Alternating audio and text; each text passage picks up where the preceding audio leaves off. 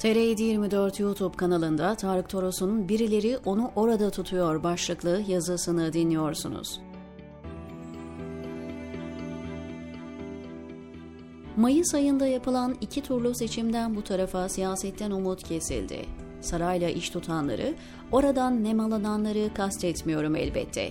Seçmen uzun yıllar sonra ilk defa iktidarı değiştirebileceğine inandı.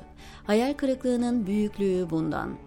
Seçimin hemen ardından muhalefetin hesap vermemesi, zarlar hileli olsa da mağlubiyeti süratle kabul edip elindekiyle yetinmesi muhalif seçmendeki hayal kırıklığını katladı.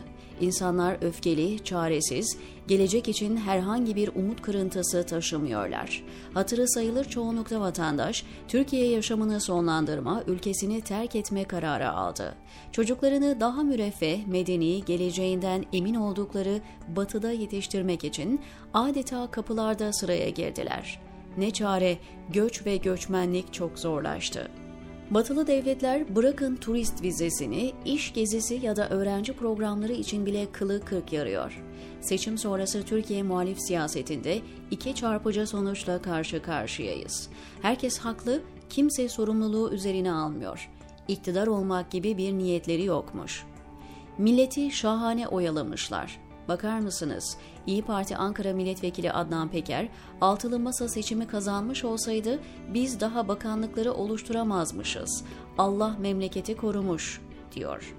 Bu laflar Genel Başkan Meral Akşener'e hatırlatılınca cevabı arkadaşlarımızda büyük hayal kırıklığı ve öfke var oluyor. Hayal kırıklığı ve öfkeyi bile seçmenin elinden aldılar ya, pes elim kırılaydı da oy vermeyeydim diyen AKP'li seçmen daha samimi valla. Altılı Masa'nın dört küçük ortağı dışında süreçten karlı çıkan yok. Kimse onlara yenilginin hesabını sormadığı gibi. İttifak konforlu alanlarını büyüttü, keyifleri gıcır. Saray, meclis açılınca yeni anayasayı gündeme getirecek.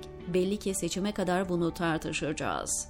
Rejimi önce fiilen sonra anayasal olarak değiştiren Erdoğan'ın halen darbe anayasasından kurtulmaktan bahsetmesini kınamayın. Bu onun normali. Muhalefetin polemik için şimdiden sıraya girmiş olması da onların normali. Hoş artık muhalefet demek sırıtıyor ya, neyse. İnsanların başına gelecek var, doğru da.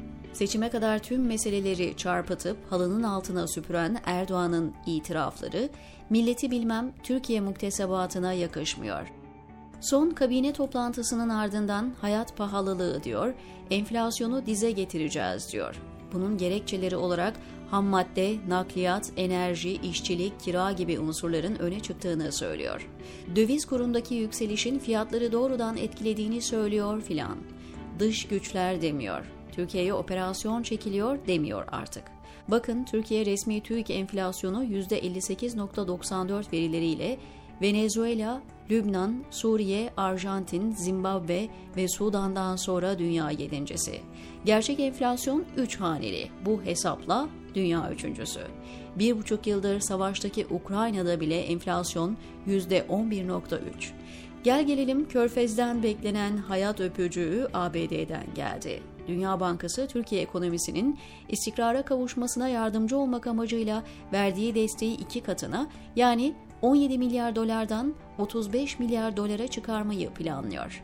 Para özel sektöre ve hazineye gidecek. Erdoğan orada durduğu sürece ekonomiye istikrar geleceği yok. Bunu Dünya Bankası da çok iyi biliyor elbette. Birileri onu orada tutuyor sadece. Çarpıcı gerçekse Türkiye muhalefetinin bunu satın almış olması. Son nefesine kadar bekleyecek, diyor Tarık Toros TR724'deki köşesinde.